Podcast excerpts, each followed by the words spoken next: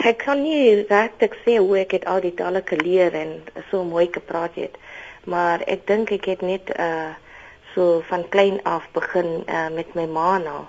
Hulle was baie uh gedruk op my om skool toe te gaan na skool vir uh ekstra Hindi klasse. Dis 'n ander taal, dis 'n Indian mense taal. En dit was ons huis in ons huis wat ons praat, die taal wat ons ons aan huis taal. En toe was ek altyd in die middag omdat uh jy onthou daardie tyd uh ons het nie die gehad om in die skool te, te leer. Ons het net Afrikaans en Engels in die skool. So ons het na skool dit geleer en toe die swart mense was altyd by ons gewerk by my pa se fabriek en so aan. Hey, bewerkers wat het gehad wat Zulu gepraat het en ek was baie uh, uh daar uh lus om met hulle te praat. Ek was klein, so sommer 2 jaar, 3 jaar oud. En toe praat ek altyd met hulle Zulu en toe kom ek Zulu uh, maar baie baie mooi. En toe was ek by die onderwyserse college in van wanneer was dit 96 1996 en toe het hulle vir ons die geleentheid gegee om Zulu te leer soos 'n vak. Toe vat ek die vak en toe begin ek om baie mooi Zulu te praat soos hulle sê. Ek praat regtig Zulu. En toe was ek Bloemfontein toe en toe begin ek met al die ander swart tale. Toe was ek Swaziland toe toe begin ek sien dat Zulu soos 'n roottale van al die swart mense se tale, van baie van hulle, soos ek sê maar noem soos so Swati en Xhosa en Sindebele toe begin ek al daardie tale, tale praat toe kry ons mense van Zimbabwe afgewerk het wat begin het nou met hulle praat toe sien ek nee ek was baie lus om die taal te leer ek stel baie belang en ek vra altyd vir hulp en ek vra vir mense en ek smeek mense om vir my te leer hoe ehm uh, spreek jy hierdie woord uit of so aan en so in hulle se tale en toe begin ek nou so baie tale praat toe kan ek Mauritius toe 'n paar keer my uh, broer is getroud daar, my skoonsister is van Mauritius af. Uh toe leer ek bietjie Kreol. En toe ek het baie van 'n Kreol nou begin leer praat en uh so Frans soos hulle sê. En dan jou Afrikaans, waar het jy daar aangekom? Toe ek in Bloemfontein was, ek was 12 jaar daar, toe begin ek baie regte, ek was by regte boermense wat van eintlik uh Nederlands en so aan was en hulle het vir my Duits geleer ook. So dit was eintlik baie lekker ook en ek was baie lus die liefheid gekom van die musiek af. Ek was baie lus vir ehm um, ek was baie lief vir Lorika en ek is nog steeds en vir Bonita en so aan al die Afrikaanse musiekpense en ek luister baie Afrikaanse musiek en baie van hulle sing in Dutch en uh, wat is haar naam Dana Winne ook. Ja, dit is Nederlands eintlik. Ja, Nederlands, ja. Nou wat is dit van Afrikaans waarvan jy so baie hou? Wat is vir jou oh, uniek aan die taal? Afrikaans. Ek is mal oor dit. Ek vir my dit klink baie mooi en ek hou ek is baie lief vir Afrikaanse mense en die taal self ek hou van dit omdat vir my daar so baie tipe woorde wat hulle het wat nie uh ander tale het nie. En uh ek kan die uh, soos hulle sê die koneksies in Engels ek is so mal oor die woorde wat hulle het gevat na Engels toe. En die ding wat ek hou nie so baie van Afrikaans is die mense wat so uh lelik Afrikaans praat, soos hulle slang praat. Ek hou nie daarvan nie, omdat ek hou ek is lief vir direkte regte Afrikaans. Toe ek in skool was, ek het 'n baie streng onderwyser gehad, onderwyseres eintlik. Sy het, het altyd vir ons gesê in die klas, jy moet net Afrikaans praat as dit Afrikaanse tyd is in Afrikaanse vak. So uh, dit het waar dit het gekom die ek het stel belang daarin van daar af daardie tyd toe ek het baie goed in Afrikaans gedoen. Dit was eintlik my beste vak in matriek toe klaar ek. En toe ek het nie gedink eendag ek sal by 'n Afrikaanse kollege toe kom. Toe kom ek by Dokkies die Afrikaanse kollege in Durban. Toe leer ek meer van Afrikaanse kultuur hoe lewe die Afrikaanse mense wat hou van hulle af. Ek het baie van die koneksie gesien en uh, soos hulle sê die similarities in Engels van die Hindoese mense. Jy praat nou Hindi, wil jy nie vir ons so 'n stukkie in Hindi sê nie? Uh, maar मैं तुझसे बहुत प्यार करते हूँ uh, आप तो मुझे इतना अच्छा से देखा थी आप में इतना बड़ा लड़की है और uh, मैं सब चीज आपको अध्यापक uh, my afko abiman izzat the ma. En sê vir ons nou wat het jy gesê? Uh ek het gesê ma um uh, ek is baie lief vir jou. En dis deur jy dat ek so ver in die wêreld ek kan met my studies en so aan. En ek het baie respek vir u. En u het vir my so ek is trots dat u vir my groot gemaak het en al die goedes van die wêreld geleer het. En as jy dit in Zulu moet sê? Mama ngiyabongela kakhulu kangikhulisile kangaka ngiyangihlonipha kakhulu wangifundisile yonke indaba ngemhlabeni manje ngiyakhola ukuthi zonke izinto ngifundile ngiyadlule phambili ngoba ukwena lo uyangisiza kakhulu ngikhulisile kangaka kumuhle kangaka ma Ek verstaan jy het jou meestersgraad in Zulu gedoen. Mm. Ek Vertel? het dit in Zulu gedoen. Ek dink alles kom van my onderwysers en my dosent af. Ek het 'n baie baie mooi dosent gehad. En sy het altyd voor die klas gestaan en vir ons gesing in Zulu en sy was groot, sy was nie eintlik so maar nie of so iets en so jonke vrou was. Sy was baie ouer as ons en sy het voor die klas gestaan en vir ons uh, alles gewys hoe ons moet sing vir die kinders, hoe ons moet lekker vir die kinders leer in die klaskamer, hoe ons lief, liefde moet vir hulle gee en so aan was dit baie inspirasie vir my. En toe het ek aangegaan om te studeer omdat ek het elke jaar my graad met lof gekry in Zulu. En toe was ek baie gemotiveerd om aan te gaan. Toe ek klaar gemaak met my graad, toe ek het sommer gedink ag maar toe maar ek kan sommer also aangaan met Zulu ook.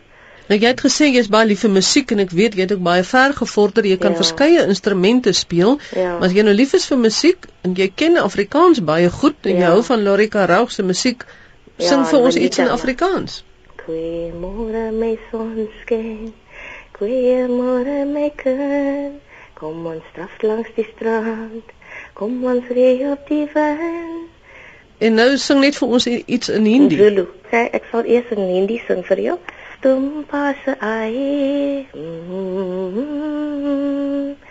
You मुस्कुराए तुम पास आए यू मुस्कुराए तुमने न जाने क्या सबके दिखाए अब को तेरा दिल जादू न सोते है क्यों करो हाई कुछ कुछ होता है dan sluit je voor ons af met de Zulu-liedje.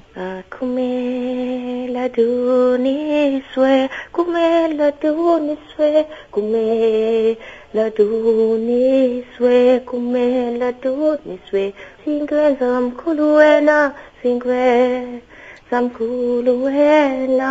Zamkhuluwena, singwe zamkhuluwena, singwe zamkhuluwena, singwe zamkhuluwena, singwe zamkhuluwena. Lekker jaloers is ek dat ek nie soveel tale kan praat nie en nog jaloerser dat ek ook nie so kan sing nie. Dit was dokter Priya Bim. Sy is in die onderwys, maar sy deur die loop van haar lewe verskeie tale aangeleer, praat dit baie vlot. Maar dit het my laat wonder, hoe gebeur dit dat sommige mense 'n maklike klomp tale kan aanleer en ander nie? Kan 'n mens praat van jy het 'n aanleg of jy het nie? Waar begin dit? leer 'n mens nuwe taal anders anders jy 'n volwassene is as wanneer jy 'n kind is of waar gaan haal jy dit? En toe ek gaan vra vir Johan van Lille om vir ons te verduidelik. Hy is 'n onderwyskundige wat spesialiseer in neurowetenskap en neurowetenskap sê hy is eintlik die ding wat te doen het met die aanleer van taal. Meeste mense dink 'n mens leer taal oor weet later in jou lewe eintlik aan, maar binne die eerste 7 maande van jou lewe is is alles wat met jou gebeur bepaal eintlik wat met jou taal later in jou lewe gaan gebeur. As ons gebore word, dan noem ons altyd die babas as hulle is 'n burgers van die wêreld want jy word gebore met die vermoë om enige taal te leer. Maak nie saak watter taal nie, want en daar's 'n baie bekende toets wat ons noem die eh, is 'n Japaneese woord wat ch is. Nou, daar's twee ch's in Japanees. Ons westerse oor kan nie die ch en die ch van mekaar onderskei nie. Ehm um, dit klink vir ons eners. Maar tot en met 7 maande, as jy daar as jy vir 'n regte Japaneese burger vra om die die twee ch's vir 'n baba te sê, dan wys alle breinaktiwiteite dat daardie baba nog steeds kan onderskei tussen die twee klanke. En ons doen dit met 'n eh, met neurale toetse wat ons dan uitvoer op die babas. En dan na 7 maande, dan vestig jou moedertaal. Dis hoekom dit so belangrik is. Ek sê altyd maas kry nie kraamverlof om by die huis te sit om te borsvoed nie. Maas kry kraamverlof om vir hulle kinders die moedertaal aan te leer. Want jy moet in daai eerste 7 maande van die kind se lewe moet jy vir hom so baie taal leer sodat sy primêre taal, die taal wat hy van die primêre versorger by hom kan vestig. Dit beteken nie dat 'n kind nie in alle tale mag blootgestel word nie, maar die brein kies altyd 'n voorkeurtaal waarmee hy dan wat ons noem taalneurale netwerke vorm. En ehm um, dan het jy 'n gevestigde taal en dan gevestig daai taal in 'n sentrum aan die linkerkant van die brein wat ons noem Broca.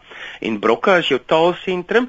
Ehm um, taal word deur jou hele brein geprosesseer, maar 'n uh, groot jou uh, dit is uh, om die brein is mos maar soos die vel, is 'n geïntegreerde orgaan. So 'n uh, sekere deel is net meer sensitief vir sekere funksies, soos 'n mens in jou vel baie keer meer sensitief op jou vingerpunte vir gevoel sien nou maar as op jou rug, is sekere dele van die brein meer sensitief vir, vir tale en Broca is die area wat baie sensitief is vir tale. En dan prosesseer jy vir die res van jou lewe, prosesseer jy die alle tale deur middel van die neurale netwerke wat gevorm is met die moedertaal. As daai neurale netwerk met die moedertaal nie sterk gevorm is nie, sukkel jy om 'n tweede, derde en 'n vierde en 'n vyfde taal aan te leer. En dan daarom is daai eerste 7 maande, sê ek altyd sit die kind in sy in die wegspringblokke. Daarna versterk jy net die moedertaal, maar jy kan nie met die moedertaal verander nie. Met ander woorde, selfs al vir Engels jy heeltemal of al vir Duits jy heeltemal, gaan jy altyd met daai neurale netwerke wat jy in jou eerste 7 maande van jou lewe gebruik het, gaan jy ander tale prosesseer. Nou wat gebeur nou as 'n mens dan in hierdie eerste 7 jaar sê 2 of 3 tale in die kind se teenwoordigheid praat. Weet jy, uh, Magdalene, dis 'n baie interessante mense vra altyd vir my wat maak ons want ons is nou in 'n multi wat ons noem 'n multitaal omgewing en 'n multitaal kan wees 1 tot 8 tale. Uh, baie keer en baie in ons nuwe moderne gesinne het jy tot 8 tale wat verskillend is. Jy verskillende variante van dieselfde taal selfs, ehm um, wat gepraat word. Ehm um, sulke kinders leer later praat, leer later lees, maar aan die einde van die dag leer hulle al daardie tale. So as as wat die die belangrikste riglyn daar gewoon belangrik is is die een wie se moedertaal dit is, bly by die moedertaal. Met ander woorde, as die pa Hebreëus is en die ma is Afrikaans spreekend, praat die ma Afrikaans en die pa praat Hebreëus. Die kind gaan altyd tale prosesseer. Hy gaan net later die tale produseer, maar die kind gaan nog steeds 'n keuse maak in brokke wat sy taalsone is oor wat is sy primêre taal en dan maar waar die verskil inkom is as 'n ander area wat net so links van die area lê wat brokke is, wat ons noem Wernicke en Wernicke gee betekenis aan taal. En dit is waar al die ander tale saam met die res van die brein geprosesseer word, maar dit is die meer sensitiewe gedeelte wat betekenis gee aan ander tale. Nou wanneer 'n mens nou volwasse word, soos die die vrou met wie ons nou net gepraat het, wat uh as gevolg van die omgewing waarin sy beweeg het, verskeie tale aangeleer het, Is dit dieselfde proses? Is dit moeiliker of wat gebeur dan? Kyk, Howard Gardner het gesê mense het verskillende tipes intelligensie. So het mense ook verskillend. Party mense is meer wiskundig, party is meer logies, uh, party het meer kennis van die natuur of party het meer taalkennis. So party mense is baie meer sensitief om tale te kan aanleer. Nou En as hoe jonger jy is en hoe meer tale jy blootgestel word, hoe makliker leer jy tale aan. In die eerste 7 jaar van jou lewe is 'n kind se brein baie sensitief om verskillende tale aan te leer. Dit is soos ek altyd sê, dan as jy op die afdraande, met ander woorde die die karretjie kan lekker maklik hardop sonder enige weerstand. Hier is so na 7 jaar tot en met omtrent laat in jou lewe, dan is dit redelik opdraande om 'n nuwe taal aan te leer. Dan het jy baie blootstelling nodig om om om daai taal te kan aanleer. Maar laat in jou lewe en dit is nogal werk vir Dr. Geraldine Mitten wat nou 'n uh, grond navorsing gedoen het oor langslewendheid, het gesê dat jy die vermoë het as jy ouer is om weer tale aan te leer. amper jou brein amper raak amper weer so sensitief soos in 'n soos toe jy 'n babatjie was om om weer nuwe tale want daai langs lewendheid toe as jy dan jy leef langer as jy op jou ouer op 'n ouer ouerdom ehm um, weer 'n nuwe taal probeer aanleer. So jy kry amper weer 'n sensitiwiteit rondom tale. En ehm um, maar taalblootstelling interessant genoeg is dat jy kan as jy die taal aangeleer het voor jy omtrent so 5, 6 jaar oud is, kan jy hom nog sonder 'n aksent praat as jy dit later aanleer gaan jy altyd 'n aksent hê. Hierdie storie van jy het 'n aanleg vertale of jy het nie 'n aanleg vertale nie, is dit waar? Dit is waar Magdalene, dit is dit is geskoei op die werk van Howard Gardner waar hy gesê het dat mense het verskillende ehm um, sensitiwiteite ten opsigte van sekere tipes goed wat hulle makliker leer. Dis ook op 'n tyd en ons sê ons sê altyd kyk taal word deur jou omgewing ehm um, geaktiveer. Soos byvoorbeeld I mean as as jy nou in China gebore was dan sou jy Chinees gepraat het want jy maak nie saak of jy uh, daar is nie want want jou brein is het beskik oor al die tale alreeds. Maar om taal te kan aanleer, het die omgewing 'n geweldige groot invloed op en anders die, die, die hoe die ouers met jou werk, maar mense sekere mense is geneties net sterker bedraad om Met ander woorde, hulle dit is soos baie kinders kan vinniger hardloop as ander. Dit daar's 'n sterk genetiese ding. So baie mense het net meer 'n taalaanleg as ander en jy kan dit nie regtig verander nie. Jy kan daar's 'n daar's 'n baie mense se plafon is net laer as met ander. So ehm um, dis soos maar met jy kry mense wat goed skryf, maar jy kry mense wat uitstekend skryf. Ehm um, en daai is daar's talent en en en aanleg speel tog maar 'n rol daar. Nou wanneer 'n mens as volwassene 'n taal wil aanleer, is daar ander neurologiese dinge wat gebeur of is dit maar presies dieselfde as wanneer jy uh, klein is? Kyk, die brein het mos 'n stofsuier, so hy gaan ja, alles wat jy nie gebruik nie, vreet die stofsuier op. Is so daai beginsel van en daar's 'n Engelse een, use it or lose it. So dit beteken die brein sny alles weg wat nutteloos is. So as jy as jy byvoorbeeld nie jou brein gereeld stimuleer nie, dan dan begin jou brein se se netwerke minder raak want jy gebruik dit nie. Uh mense wat in 'n groef verval, hulle neurale netwerke raak minder dig. Hulle verloor nie breinselle nie want jou breinselle bly die res van jou lewe, maar jy verloor die verbindings tussen die breinselle. Of nog meer, jy kan die verbindings kan bly, maar jy verloor die die die dit wat die verbindings isoleer of sterker maak. Nou interessant genoeg het ehm um, Geraldine Mitten bevind dat as jy 'n taal aanleer, omdat dit taal so geïntegreerde ding in die brein is, aktiveer dit weer nuwe verbindings wat groei in die brein.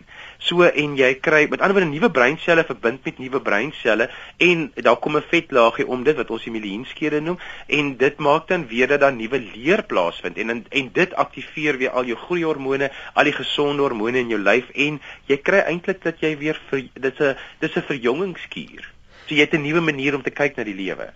As jy nou in isolasie gaan en jy leer vir jou 'n taal aan, sê net maar soos in Suid-Afrika, ek wil nou Zulu praat en ek gaan kry vir my boeke en kasette en dit is hoe ek Zulu aanleer op die ouderdom van 50 jaar.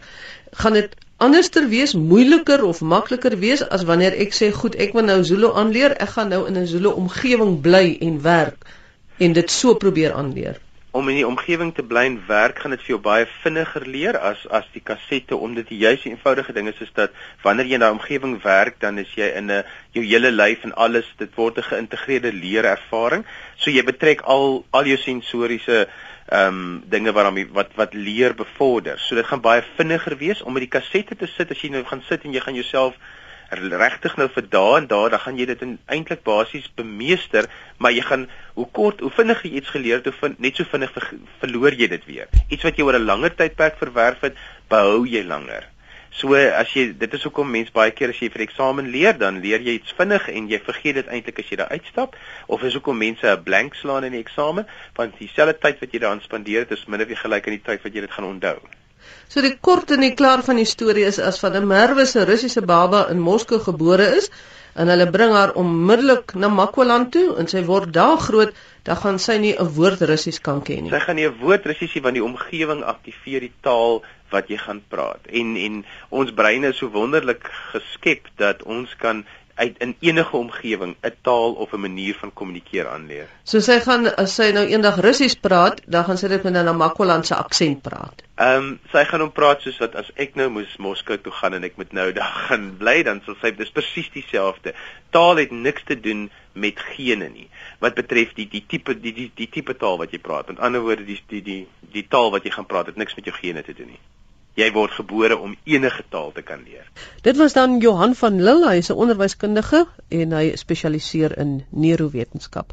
En nou is dit tyd vir ons taalspeletjie vir vandag en ons sluit aan by Gerard van Huisteen en sy gas. Vandag praat ons vir 'n verandering oor afkortings in Afrikaans. Vir die eerste paar vrae gee ek 'n woord en jy moet sê wat die afkorting is. Onthou om te sê of daar punte moet wees of nie punte moet wees nie of hoe dit werk. En in die laaste deel sê ek 'n aantal afkortings en jy moet sê waarvoor staan die afkorting. Kom ons val weg met kaptein, generaal-majoor, prokureur-generaal, professionele ingenieur. Dan afkortings OPM. En dan die enetjie daarna o.p.m. dan pt. en dan in hoofletters AWS akroniem of afkorting wat jy al dikwels hier op die program uh, gehoor het. En dan ons laaste enetjie Pansat. Pansat hoofletter P, klein lettertjie A, klein lettertjie N en dan hoofletter S, hoofletter A, hoofletter T, Pansat. Nou om ons te help met hierdie afkortings, het ek vir professor Johan Anker, ondervoorsitter van die Taalkommissie en dosent in Afrikaans op die Wellington kampus van die Kaapse Skiereilandse Universiteit van Tegnologie, gevra om ons te help. Ek dink die eerste is dat um, baie mense begin dink het dat mens 'n klomp afkortings sonder punte kan spel dan nou. En ons sê baie duidelik in die reëls in die AWS dat afkortings tradisioneel wel punte kry. Een van die ander dinge wat ek dink belangrik is, is dat die lys wat dan wel in die AWS voorkom, maar baie eksemplaries is 'n baie kort lys van 'n baie uitgebreide lys. Dink ons het doodgewoon nie tyd en plek gehad om almal in te plaas nie. En ek dink die laaste dingetjie om mee te begin is dat ons natuurlik gewoonlik net uh, afkortings gebruik wat wel erkende afkortings is en nie so studente beteken maar enige ding net om die lys 'n bietjie korter te maak nie. Ja, soos SMS taal en so aan die geld nie vandag hier nie. Ons praat hier van amptelike afkortings.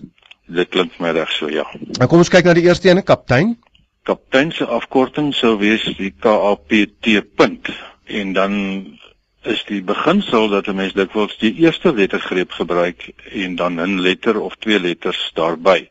Dis min of meer die algemene beginsel ook die eerste reël by die afkortings in die AWS 3.1. En geld dieselfde dan ook vir generaal-majoor. Dieselfde beginsel geld, eerste uh lettergreep plus dan 'n letter daarna soos G E N L punt M A J punt en mens sou op die volgende een kon sê, né, prokureur-generaal P R O K punt G E N L punt. Dit is belangrik dat die koppelteken nie gebruik word nie want in die spelling is dit generaal koppelteken majoor, maar die koppelteken val weg by daardie afkorting. So dan is dit net G G N L punt M A J punt. Dis korrek en ook dan P Of prokureur-generaal het natuurlik ook 'n hoofletter afkorting, die PG. En mens moet nou net besop want PG kan ook vir 'n dekorasie staan, die Protea dekorasie. So daar's twee verklaringe vir PG. Maar in die omgangstaal praat mense gewoonlik van die PG, né? Nee. Ek dink die omgangstaal sou PG wees, ja. Dan professionele ingenieur, in professionele ingenieur skryf ons met klein lettertjies. Die die gewone vorm is klein, maar jou afkorting het hoofletters. So dit is een van daardie afkortings waarna mens mooi moet kyk PR punt en dan ING punt, maar jy begin met die hoofletter P en die hoofletter I. En wat afkortings betref is dit 'n bietjie van 'n uitsondering om die hoofletters daar te gebruik. Want gewoonlik soos by generaal-majoor of so is dit gewoon klein lettertjies. Dit sou klein letters bly by generaal-majoor, ja. Dan gaan ons na die OPM punt staan vir opmerking. En wat interessant is, die volgende een, die O punt, P punt, M punt is omwentelings per minuut wat vir my belangrik is hier is juis die redenasie dat 'n mens moet punte gebruik by by afkortings. O punt P punt M punt. Anders maak daardie drie letters langs mekaar geen sin nie. Soos dit sou wees om onder meer af te kort net met O M sonder punte dan word dit doodgewoon om. En dis een van die redes vir die punte by afkortings om juis daai onderskeid te tref. Dan kom ons by PT punt wat dan punt is afkorting vir punt of punt met 'n u, punt met 'n u of punt met 'n u wat dan weer eens twee verklaringe is vir een afkorting. Die punt met die u wat dan 'n inhoudsmaat is en die punt soos ons hom ken. En daarna is dink ek het jy gevra net die AWS. Dis hy. Wat staan vir die Afrikaanse woordelys en spelreëls? Lekker met die hoofletters sonder punte en ook die een daarna die pansat wat dan die pan Suid-Afrikaanse taalraad is. Nou wat ons hier het is 'n sogenaamde letternaamwoord by die AWS want ons gebruik die lettername AWS om daardie afkorting uit te spreek en ook dan om dit te spel. Dieselfde by pansat alhoewel ons dan die eerste deel die pan gebruik soos in die woord maar dan kort ons weer af SAT Suid-Afrikaanse Taalraad. Interessant as mens nou die Suid-Afrikaanse Taalraad spel dan is daardie laaste deel ook sonder koppelteken omdat dit Suid-Afrikaanse is. Ja. En dan volg dan nie 'n koppelteken daarna nie. Ek dink in die woordelys praat hulle van van ad hoc afkortings want daardie liggaam het besluit dat hulle liggaam se afkorting so sal lui of so sal geskryf word pan sat. En dis hoekom dit dikwels iets is wat moeilik is om te bereël omdat organisasies kan besluit wat ons uh afkortings is. Ja, dit is moeilik en ook omdat hulle dan 'n kombinasie het van van 'n hoofkleinletter en dan weer net hoofletters. Presies. As jy enige verdere vrae het of voorstelle het of afkortings het waaroor jy onseker is, stuur gerus vir my 'n e-pos by taalvraag@rsg.co.za.